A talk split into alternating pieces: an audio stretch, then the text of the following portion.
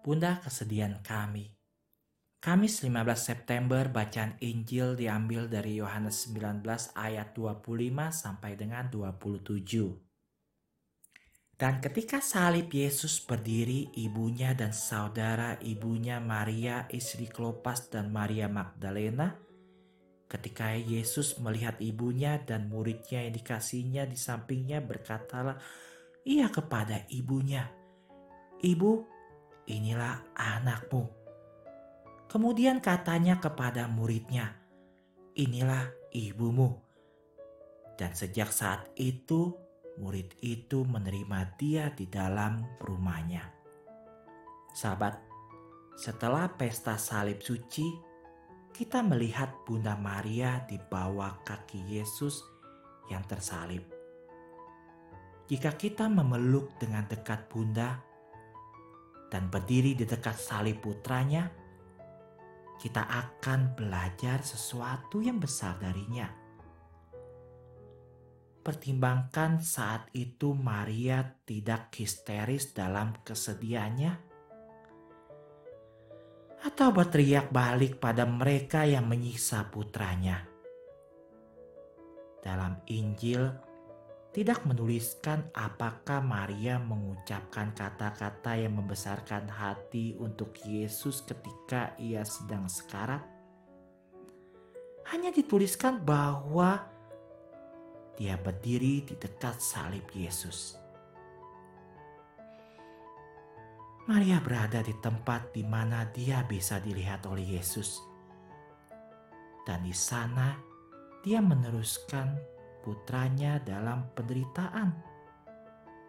Betapa besar penghiburan yang dia berikan kepada Yesus hanya dengan berada di sana bersamanya. Ingatlah bahwa Bunda Maria berada di sana bukan karena kewajibannya.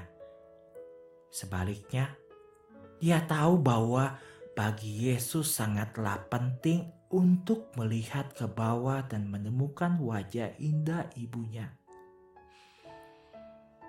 Untuk membiarkan Yesus tahu bahwa dia tidak ditinggalkan sendirian.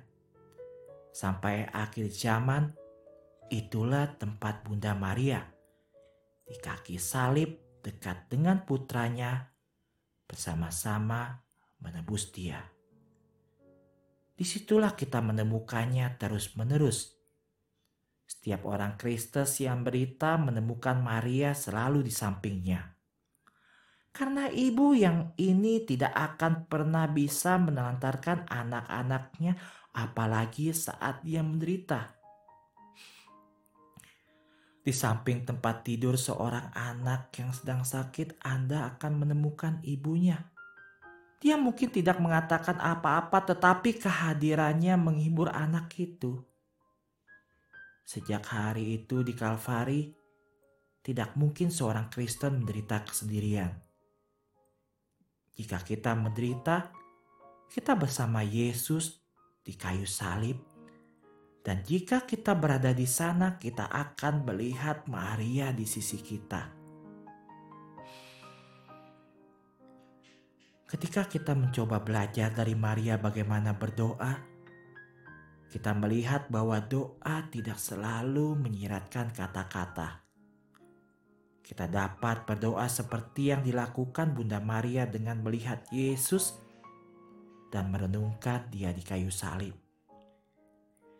Kita tidak selalu membutuhkan kata-kata, bahkan berkali-kali kita tidak perlu berkata-kata Maria, Bunda kesedihan.